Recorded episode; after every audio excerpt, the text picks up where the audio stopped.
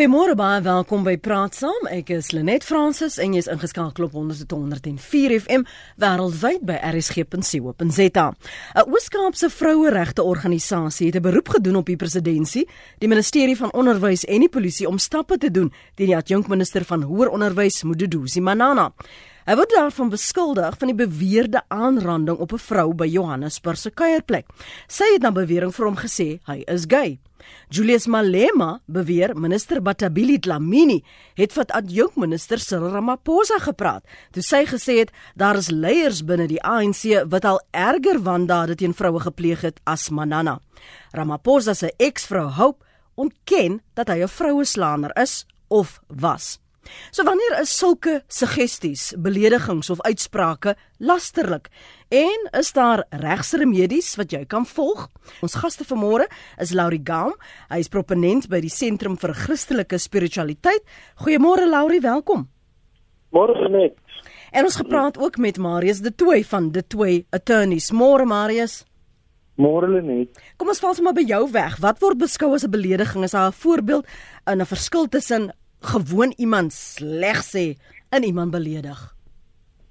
Kyk, ek dink jy moet altyd onthou in element dat jy kan nie net sommer rondgaan en enigiets vir enigiemand sê nie. Dit ons het 'n misdryfkring in Nuria wat basies sê dat as jy iemand beledig en dit tas die persoon se eer of waardigheid aan en dit is ernstig, dan is dit strafbaar. So ek dink mense maar nommer 1 verstaan, jy kan nie rondgaan met belediging natuurlik. Dit is iets soos die gelykheidswet ook wat spesifiek daarop aanspraak maak as jy haatspraak doen dat jy natuurlik ehm um, vir die gelykheidshof gedaag gaan word. So ek dink mense moet baie fyn trap wat jy vir mense sê wanneer ons definitief gevolge. Miskien vir jou vra Laurie jou reaksie toe jy voel dat uh, hoor dat Manana so diep gekrenk is uh, oor die hmm. belediging en aanhalingstekens dat hy 'n vrou aange aangerand het. Na bewering. Ja.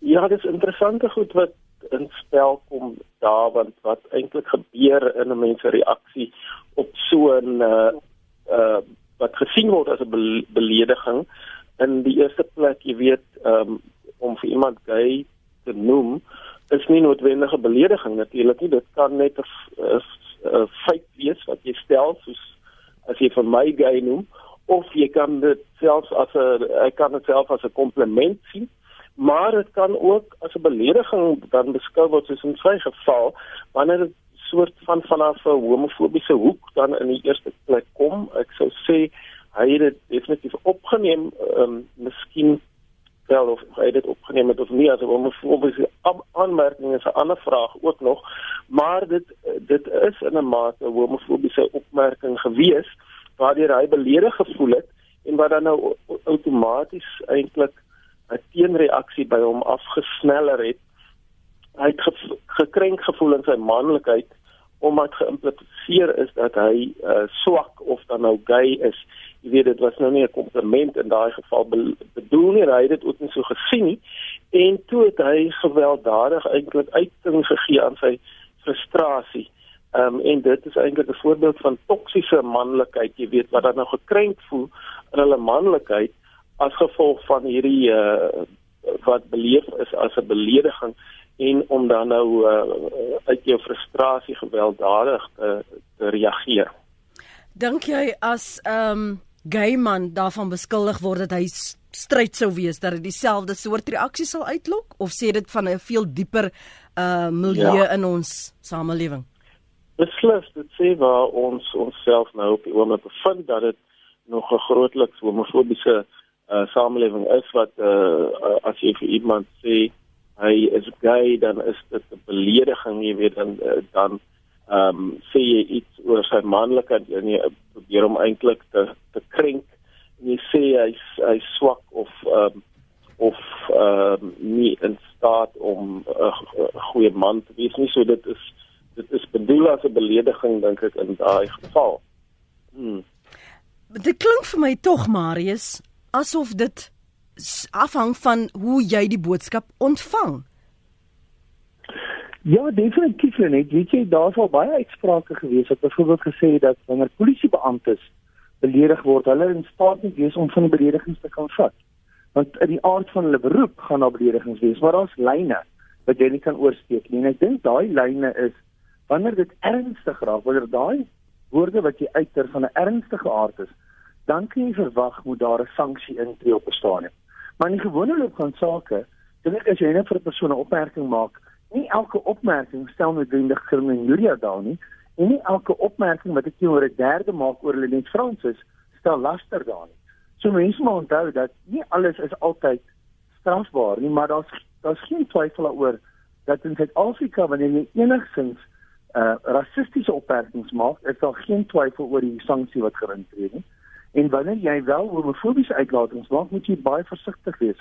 En ek stem saam met Laurie, net as jy 'n persoon is wat fragmentsontaal nie, jy sê nou word daar suits in jou gesig geslinger, kan dit in gepaste omstandighede seker kriminele daar stel.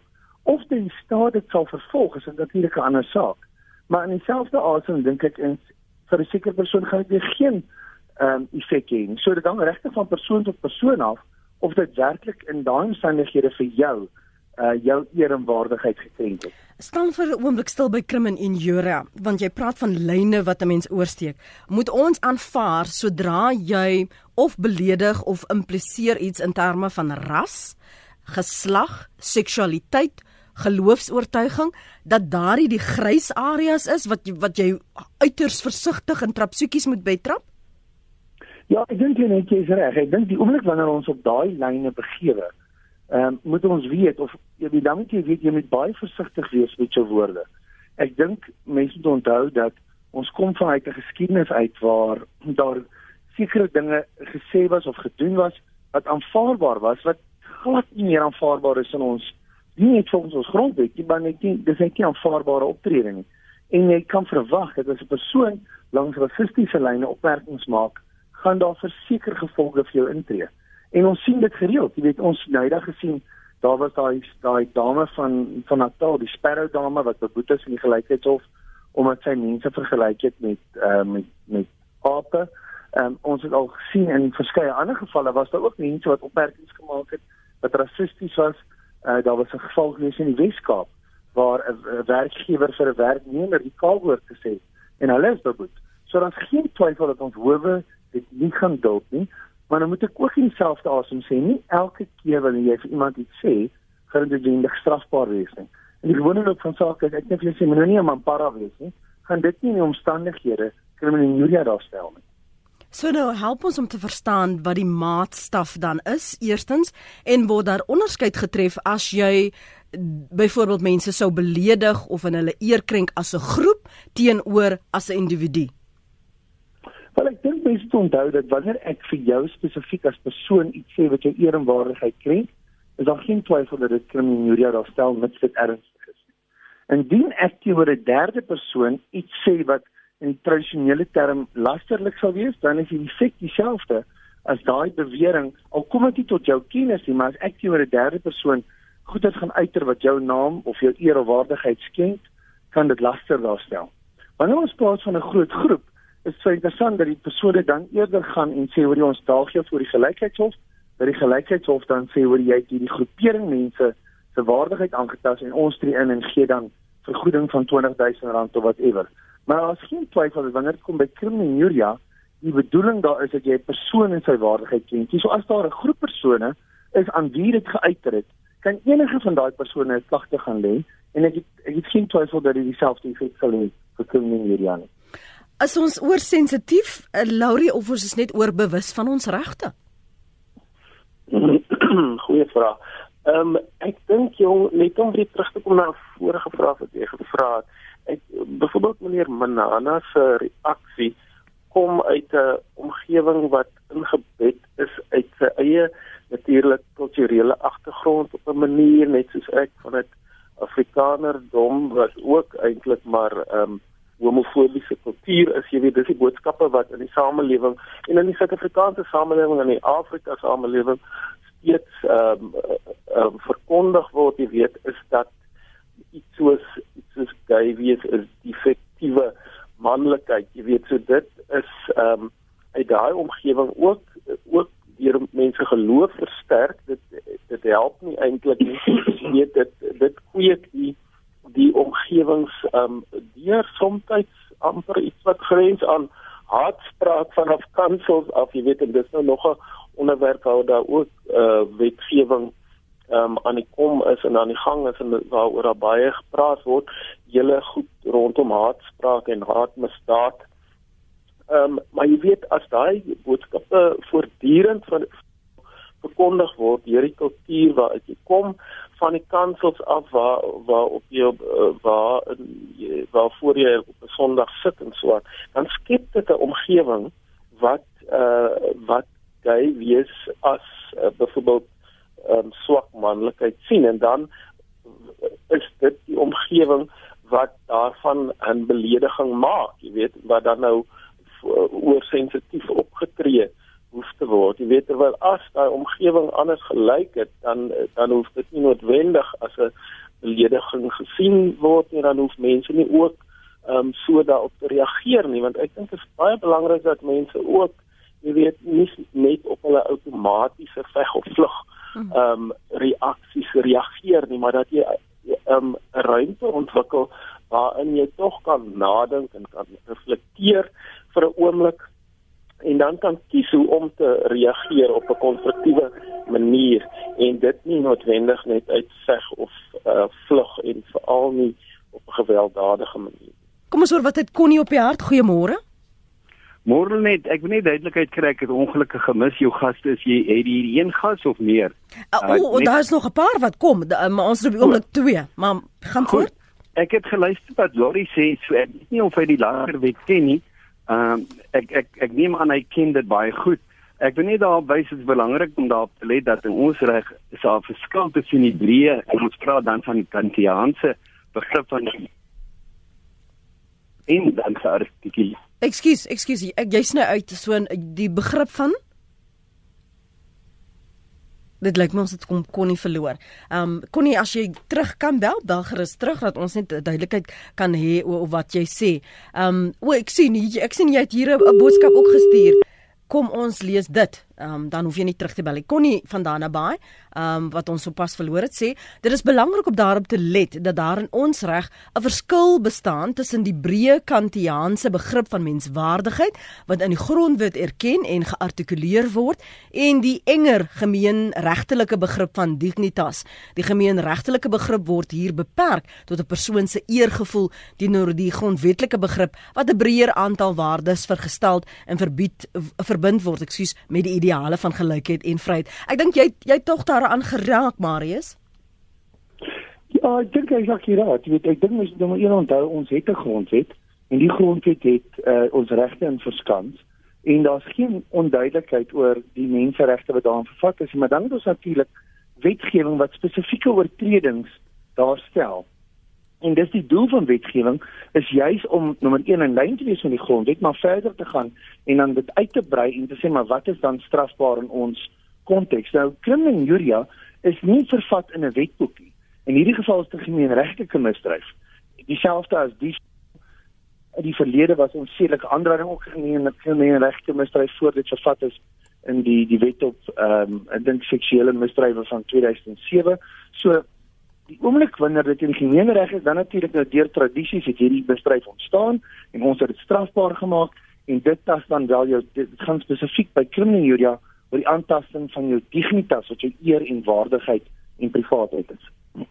So ons moet dit lees binne die konteks van waar jy is, waar ons land is uh, en die, die groep as jy nou 'n man of 'n vrou is. So moet ons aanvaar dan Marius dat Manana as 'n swart man Cyril Ramaphosa as 'n swart man moontlik gekrenk kan voel omdat hulle as gay en vroue slaanders uitgekry word, is daar hierdie grys area van moontlike laster? Kyk, ek dink mens moet moet jy net onderskei tussen laster en kriminele. Kriminele maak ek meer deling teenoor jou direk en laster gaan ek en ek publiseer beweringe oor jou, het sy in die media of teenoor 'n derde persoon wat die strekking het om jou eer en waardigheid te ken. So die, die laster gaan spesifiek oor die publikasie van beweringe. Wanneer ons praat van kriminele by iemand soos uh, minister Manana, dan is die effek daarvan dit moet ernstig wees. So as dit in sy persoonlike omstandighede met sy agtergrond en sy ontwikkeling as persoon en van waar hy kom, vir hom aangetast het, is dit goed om wel, maar die die handboekskrywers praat van 'n be beide objektiewe en 'n subjektiewe toets. Hulle sê nommer 1 subjektief moes jou waardigheid gekrenk gewees het. Maar dan objektief gesproke as ek terugstaan amper soos 'n leenstok kritikus en ek kyk daarna, moet ek ook dink dis ernstig. As dit as dit nie ernstig vir my as 'n objektiewe kyker daarna is nie, dan gaan die howe waarskynlik sê, "Hoorie meneer, hierdie is dan nou regtig nie ernstig genoeg nie. Jy's 'n politikus. Ons almal het al gesien wat in die parlement aangaan en die woorde wat daartoe gesnou is en almal daar word beskerm weens die feit dat hulle in die parlement se milieu vir, vir uh, op daai oomblik is en met gevolg word hierdie woorde geen effek op jou te hê. En en dan se mense nou omstandighede sê maar dan word die staat nie te vervolg nie. Maar elke persoon sou natuurlik hierdie bewering anders opvat. Dit soos Laurie nou nou gesê het, sommige mense gaan dit glad nie as 'n belediging sien nie. So dit gaan afhang van persoon tot persoon en slegs die ernstige gevalle word vervolging daar te stel. Maar net op die minister se saak wat interessant is, die feit dat hy beledig is, gee natuurlik absoluut geen reg om die persoon aan te raan. Hmm. Dit is en die enigste dag wanneer daar provokasie is, want as iemand jou sou sleg sê, kan jy sê maar hoorie, ek was geprovokeer in die omstandighede en provokasie wanneer dit kom by aanranding is slegs 'n strafversagting. Dit is nie 'n strafuitsluiting wat beteken jy gaan nie onskuldig bevind word nie. Dit net maak dat jy 'n ligter vonnis kry indien bewys is. Hou net so vas. So so soos byvoorbeeld, gee net vir my duidelikheid hieroor. Uh, want ek kon herinner myself aan die ou dae en ek gaan maar ou dae nou soos in die verlede uh, voor wetgewing uh, na verwys. As iemand gesê het ek wat Lenet is, enkel soos ek is, slaap met 'n getroude man en dit word nie gepubliseer nie. Hoekom is dit nie lasterlik nie? Want dit is tog nie die waarheid nie. Dis nie 'n belediging nie. Ek voel nie net my menswaardigheid nie, maar my reputasie word aangetast. Want as dit direk vir jou gesê was van mense onthou wat dan sonder twyfel sou dit kon in Julia dalk kan stel. Ek meen dit is ernstig. En dat hulle by implikasie sou sê is dat jy nou 'n persoon is wat geen morele waardes het nie of vanuit my milieu van mense dan voel ek nou dat jy 'n persoon is wat losse sedes het. Dis weet in ons samelewing natuurlik word nie altyd so gesien nie, maar in daai omstandighede kan dit definitief kan in Julia stel. Indien ek dit vir 'n derde persoon sou oorvertel en jy nie eers daarvan weet nie, dan is die vir publikasie van van die die lasterlike bewering, is dit nie nodig dat die persoon op wie dit gemik is noodwendig dit moes gehoor het nie. So as ek dit nou in die derde persoon sou genoem het aan Laurie genoem het, wat mense onthou, is die strekking daarvan om basies sleg te praat van jou en dit daarom sou jy sou laster afstel, maar moet ek vir jou sê In ons howe kan ek nie onthou wanneer laat ek 'n vervolging vir laster gesien het. Kriminele en Julia sien jy wel eh uh, dat daar nog vervolging gestel word, maar vir laster ek kan eerlikwaar nie onthou of ek in my my 24 jaar nie reg 'n vervolging vir laster gesien het nie. Vinnig van jou gedagtes Laurie voordat ons na ons luisteraars beweeg? Ja, ek dink 'n uh, mens moet uh eerlik en reguit wees en sê meneer um, Manana vir die aksie is 'n vorm van toksiese manlikheid. Jy weet dit hy en hy kan hy agter sy kultuur skuil of wat ook dan nou uh, veroorsaak het dat hy op hierdie manier ehm um, so jeethoofdig uh, gereageer het en tot geweld teenoor 'n uh, vrou spesifiek omgegaan het omdat hy dan nou beledig gevoel het nie. En ehm um, so ons moet ons kulturele ehm um, agtergrond ons geloof uh as geloofsagtergrond wat sekere vorme van manlikheid en sekere vorms van gedrag aanvaarbaar maak. Jy weet ons moet dit ondersoek. Ons moet eintlik 'n ruimte skep waar binne ons dit 'n bietjie op die tafel kan sit en kan besluit wat hiervan is goed en wat nie. Jy weet as my kulturele agtergrond en uh, hoe ek grootgemaak is, sê maar rassisties is, dan uh, sit ek dit op die tafel en dan sê ek maar jy weet dis ek het nou so groot geword of ek is groot so groot gemaak maar dit beteken nie ek gaan rassisties bly nie. Dit is onaanvaarbaar en ek gaan um, alternatiewe innoverende alternatiewe vir my gedrag vind. Ek gaan miskien bewus wees van my inherente rasisme of dat ek eet hoofde geraak as gevolg van wat ook al redes um, homofobie of goed waarin ek uh, wat my trigger. Maar dan gaan ek ehm um, jy weet 'n bietjie ruimte ontwikkel om um, deur bewustelik om te gaan met met waarvandaan ek kom, met hoe ek opgegroei het en uh, sodat ek in die proses alternatiewe vir my gedrag kan ontwikkel en daai ruimte kan vind waarin ek kan kies hoe om te reageer. Uh en ek dink mense kan dit ook leer deur deur mindfulness aan die dag te lê, jy weet deur self meditasie en die Christelike tradisie leer vir mense om meer bewustelik om te gaan met jou omgewing en nie net uh outomaties daarop te reageer. So ons hoor wat ons luisteraars vanmôre op die hart het. Dankie vir die aanhou De Wet. Goeiemôre. Hallo Lenet. Hallo. Jy het nou nog gesels van waaraan kan 'n mens hierdie ding meet? Nou dink ek 'n mens in hierdie geval moet 'n mens dink aan die die wet op vryheid van spraak, is dit nie? Nou miskien die wet op vryheid van spraak is nou vir groot sake waar ons nou maar nogtans mens kan tog dalk die lyn deurtrek na hierdie ding toe vryheid van spraak wanneer dit nou miskien gaan ons dan woorde soos 'n land landsbelang en sulke woorde hoor. Miskien uh, kan jou gaste vir ons 'n bietjie verduidelik hoe ver is hierdie twee goed uitmekaar uit. Baie dankie. Baie dankie, Marius.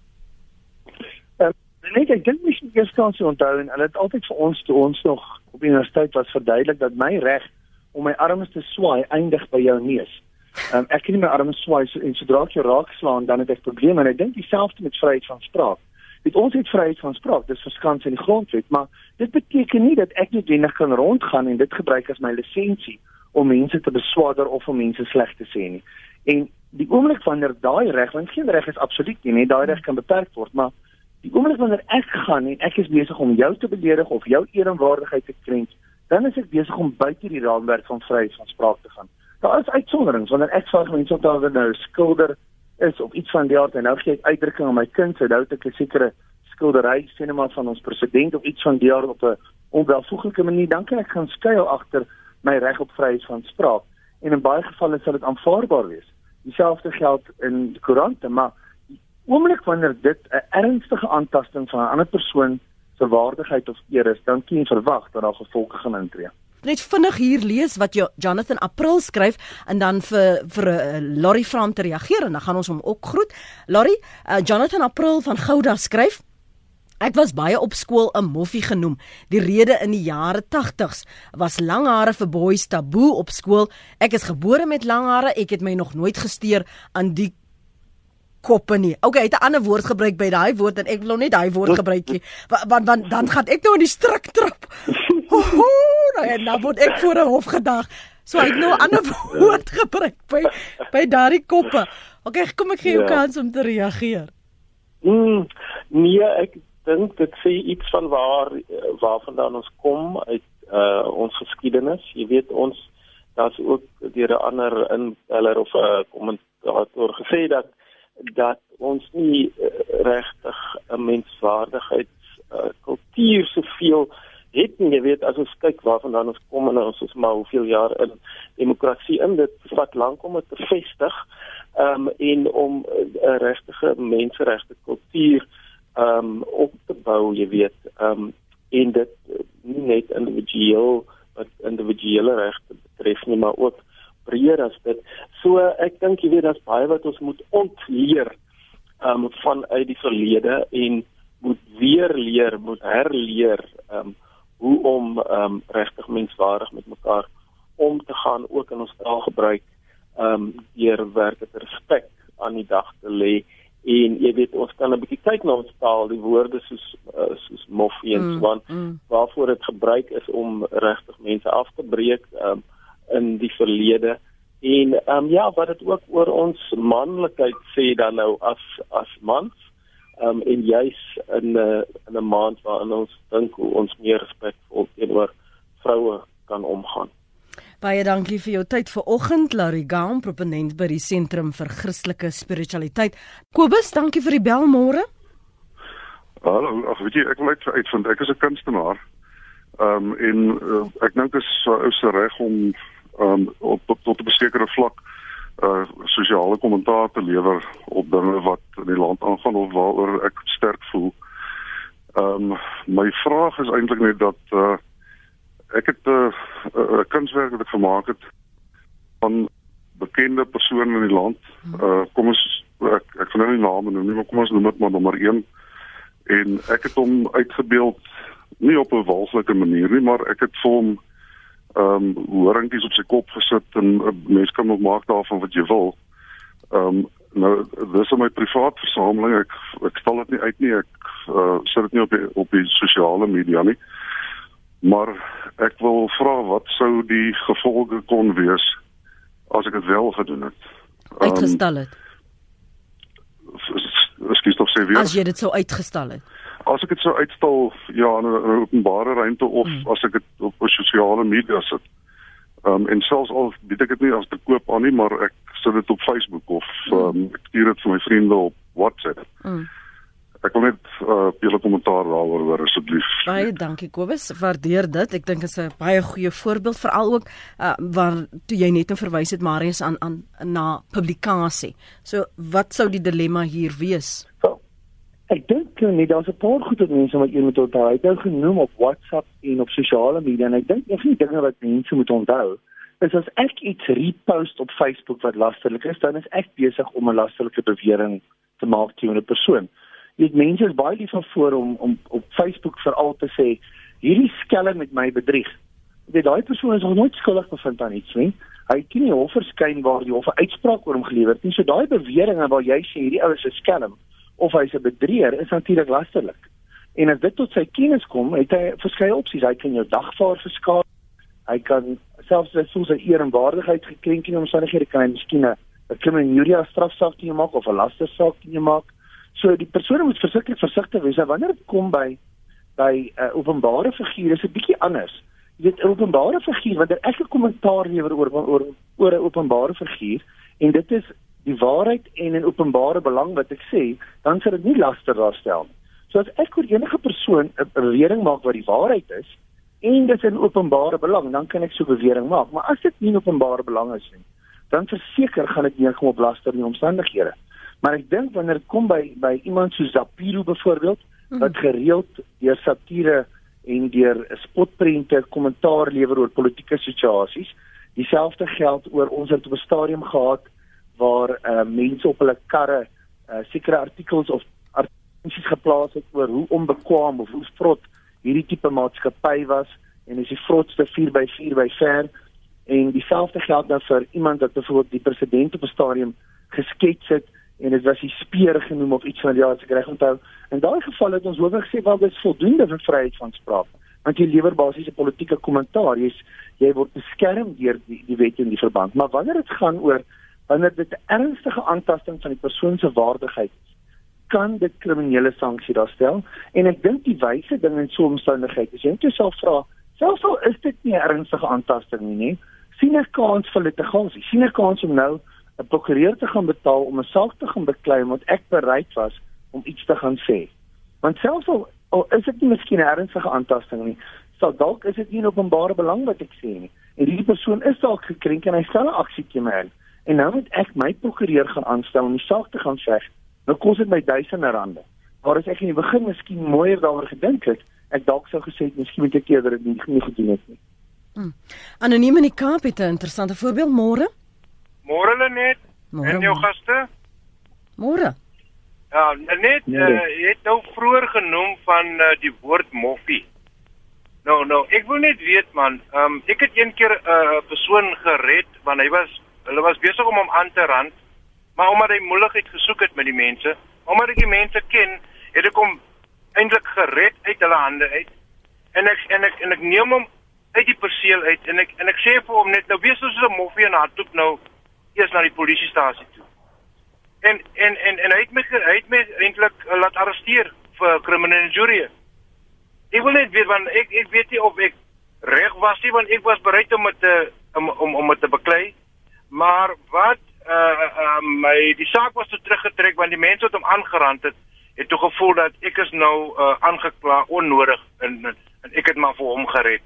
En uh um Ek wil net weet, was dit nou nodig om om kan hulle jou arresteer vir dit of wat wat is die storie rondom dit? OK, dankie. Marius. Dan net die die regsposisie is die volgende: kriminele juria is nie byla een misdryf nie.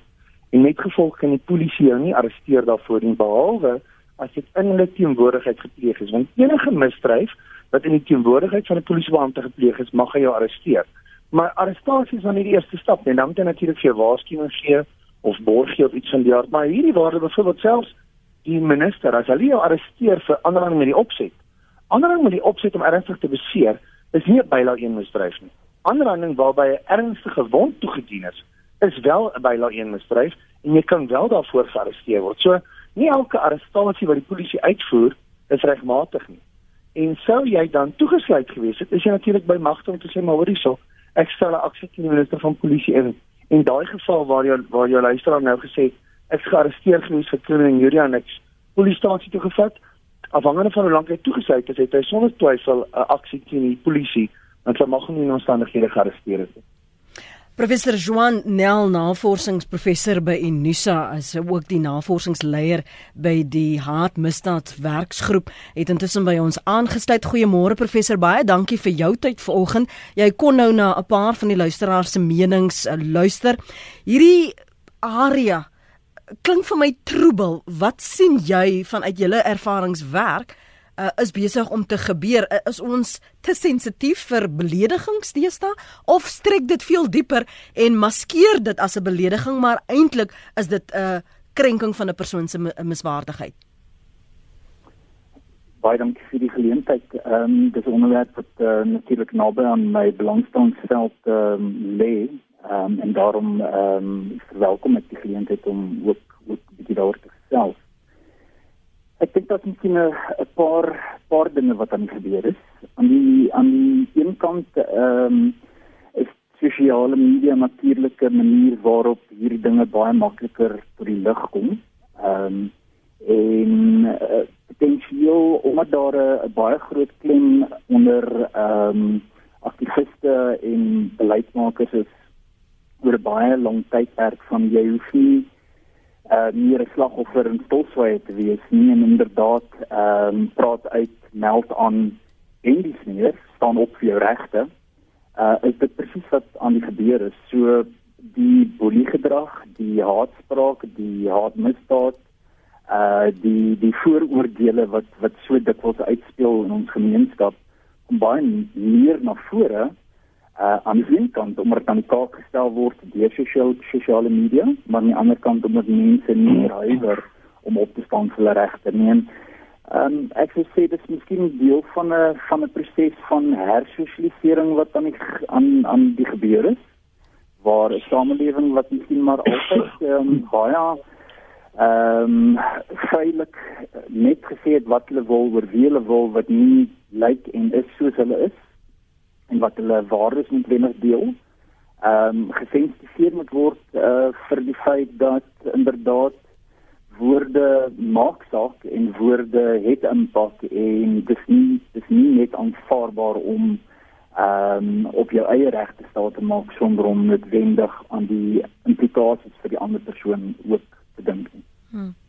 So wat sou die ma persoonlike maatstaf wees wat jy praat van ons moet hersosialiseer en dat ons moet besef dat sekere woorde kwetsend is of sekere uitsprake? Maar maar hoe gaan jy weet in 'n in 'n situasie waar ons miskien byvoorbeeld sou argumenteer um waar ek jou wil beledig want ek wil die gesprek of die argument um wen? Gee ek gee gou 'n voorbeeld. As ek vir jou sê man jy vreet soos 'n vark.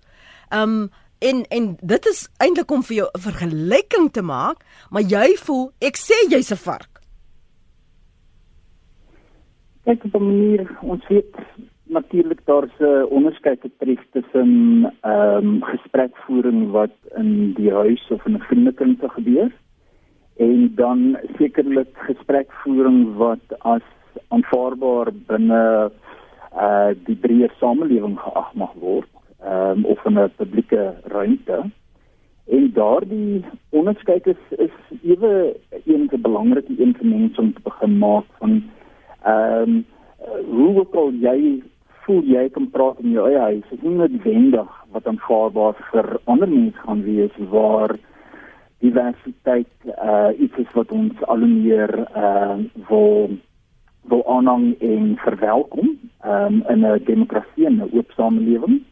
Ehm um, binne so 'n samelewing moet jy verstaan dat ons is nie almal dieselfde gesosialiseer nie. Ons sien nie noodwendig almal dinge dieselfde nie. En, uh om 'n klein bietjie meer gemeete te wees in jou jou woordkeuse uh in in publieke konteks of veral in meer formele kontekste dink ek is, is iets wat by ons almal kan baat. Ehm um, as ons praat oor die belangrikheid van dissipline, ehm um, selfdissipline, ehm um, of dit nou gaan oor ehm um, wat jy eet en wat dit die implikasie daarvan vir jou gesondheid is.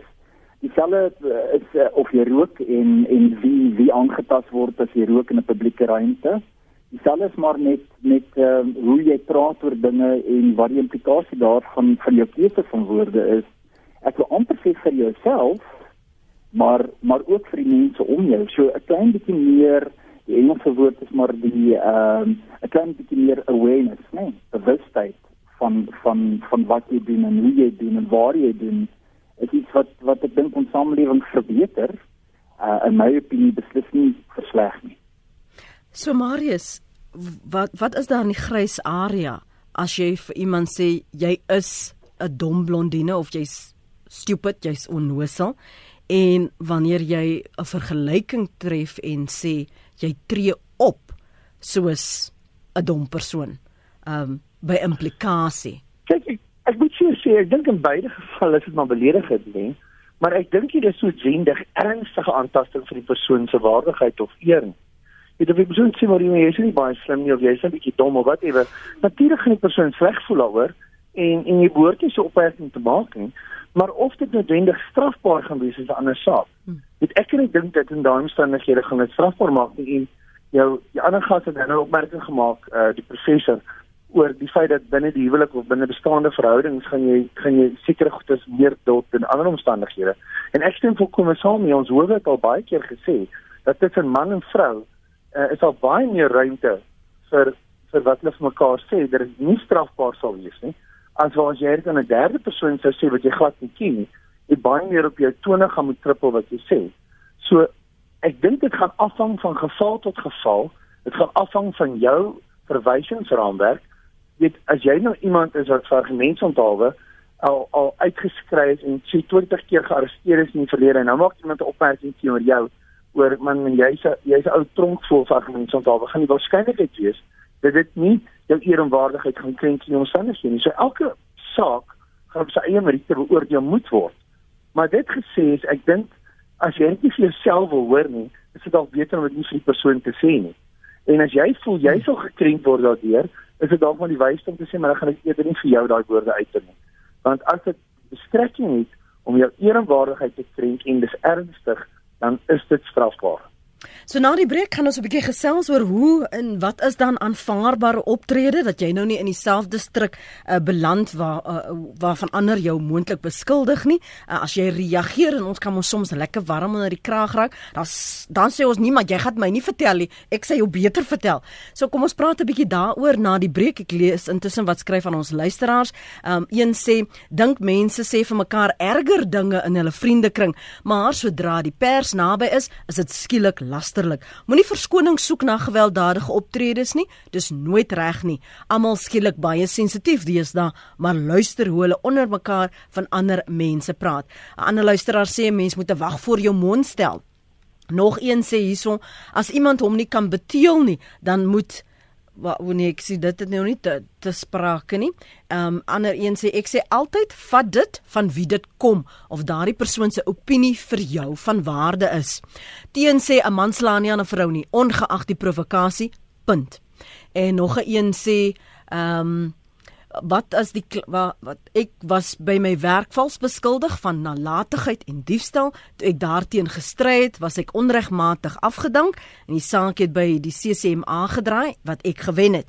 So soms moet mens opweeg of jou naam en eer die stryd werd is. Aan my ma het vir ons geleer vat dit van wie dit kom soos whatever. Dan gee jy daardie persoon nie sy sin met negatiewe reaksie nie. Uh, nog 'n luisteraar sê Met ander woorde, die feit dat hy die vrou aangerand het, is reg. My seun was op skool gedurig gey genoem, moet hy dan die meisies aanrand? Nou kan julle maar julle maar alle pogings om mishandeling teen vroue teen te staan los, want hier word nou 'n presedent geskep. Dis die ander luisteraar uh, se voorbeeld. 'n Nog 'n luisteraar sê enkel ek hang nie meer uit met getroude of enkel mans kollegas by die werk nie, want daar word gesê dat ek hulle stukkie is. Lanyatsi. Ons praat ver oggend oor die opsies nou wat jy kan oorweeg om te verseker dat jou optrede binne die regslyn val. En ons gesels met Marius De Tooy van De Tooy Attorneys en professor Joan Nel. Hy's navorsingsprofessor by Unisa en ook navorsingsleier by die Hate Crimes Working Group. So kom ons hoor van hulle hoe jy jou woorde moet tel. Kom ek gee eers vir jou kans professor Nel. Daar seker ehm um, twee kante van die saak in terme van hoe jy woorde tel. Ja maar dan sekerlik as jy aan die aan die ontvangkant is ook van daai woorde. Ehm um, en ek het iets vir altyd te sê, maar kom ons praat maar eers oor dan die hoe jy jou woorde moet tel. Ehm um, ek dink dit is dis dis sekerlik belangrik weer eens om om te oorweeg uh vooraf en baie versigtig wat wat probeer jy bereik met dit wat jy kommunikeer. Is dit 'n waarheid maar net om iemand uh te beskinder? ehm um, skade aan te rokken aan daai persoon se reputasie uh, of andersins. Ehm um, of is daar inderwaarheid ehm um, 'n belangrike uh, boodskap oor wie jy is en wat vir jou belangrik is wat jy daardeur wil kommunikeer? En natuurlik bly daar dieselfde beginsel wat ek vroeër genoem het van van 'n bietjie meer awareness, bewustheid oor wat jy sê, hoe jy sê en vir wie jy sê en wat die konteks is. Ehm um, altyd belangrik. Ehm um, en dan die wete dat dit wat jy miskien voorheen sou gesê het op 'n meer ongesensorde wyse en wat jy in vandag se samelewing wat soveel oper is en waar demokrasie en nie diskriminasie die die kernbeginsels is, ehm um, wat sou aanvaarbaar is in my konteks. Ehm um, ek kan een voorbeeld gebruik wat ek dink uh, baie uh wit mense ehm um, miskien ehm um, sal sal sal sal ken en weet waarna ek verwys. Jy klim in 'n huisbak dis ehm, 'n uh, huisbak waar daar potensieel diverse mense in was voorheen uh, of vooraf. Die die huisbak stop op 'n sekere ehm um, uh, vloer. Uh, die diverse mense swart kleerling wie ook al anders kom uit die huisbak uit en 'n ander wit mens in daai konteks dink hulle hulle kan vir jou ongesensor sê wat hulle dink oor dit wat die ander persoon gesê het ek gebruik nou maar wit mense so voorbeeld ek het seker dit gebeur onder swart mense as hulle praat oor wit mense ook. En dan sit dit vols met 'n aanname van dat die persoon omdat hulle jouself velkleur deel, hulle ook jouself politieke uh oortuigings en sentimente oor 'n ding se deel. En dit is eenvoudig net nie die geval nie. Ehm um, so daai tipe van gedrag dink ek is onproduktief. Daai daai daai tipe woordkeuse is onproduktief in die eerste plek. Uh sensor maar jouself. Ehm um, as jy iets sou sê dink oor wat dit is wat jy eintlik probeer kommunikeer en of dit positief gaan bydra tot 'n beter land, 'n transformerende land, eh, 'n land waarin ons ook uh, probeer om by te dra tot ander mense se groei en ontwikkeling. So wanneer ons praat oor opsies wat jy as die individu kan oorweeg wanneer jy aan die ontvangkant is.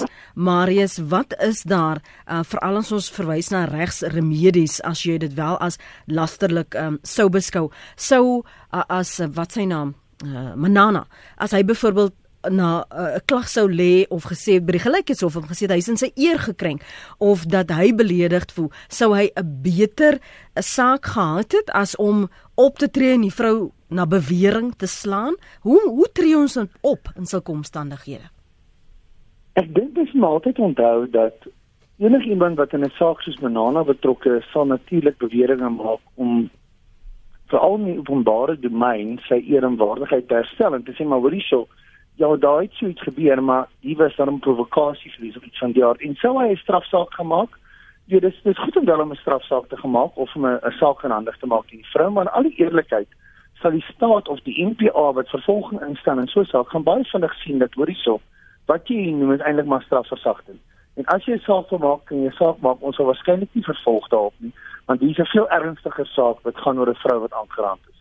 En ons gaan haar saak vervolg. So die staat besluit baie keer en sê, "Maar dis reg eerder op die ernstige een van die twee klagtes vervolg. Ek gaan nie myself ophou met die ander saak nie, maar sou dit gebeur waar jy het dat twee persone mekaar aanrand, natuurlik in omstandighede kan jy twee sake hê en al twee sake kan vervolg word en die ouens kan getuig oor en weer, so dit kan gebeur. Net om te noem wat betref laster, die groot toets vir wanneer dit kom by laster, is is wat ek sê die waarheid en is dit in openbare belang. So as ek van mense wil gaan en kom ons sê ons kyk nou na die Gupta e-mails. As ek nou in besit is van hierdie e-mails en nou gaan gee ek dit aan een of ander bekende sensasietydskrif, fragmente sal dan dan die vraag vir daai tydskrif om te sê hoorie so ek gaan nie goed nou publiseer. Is dit goed die waarheid? Nommer 1 het hulle so hulle moet hulle self vergewis dis die waarheid. En is dit openbare belang? Natuurlik is dit openbare belang, want nie alles wat die waarheid is, is noodwendig openbare belang nie. Ek mag dalk iets weet van jou, Lenet, wat fragmente al van my en vertroue gesê is, maar dit is glad nie openbare belang dat ek dit nou kan gaan publiseer in in die media nie. So mense moet baie mooi die twee oorweeg want dis die enigste toets vir die hof toepas wanneer hy besluit of is hierdie werklik lasterlik of nie.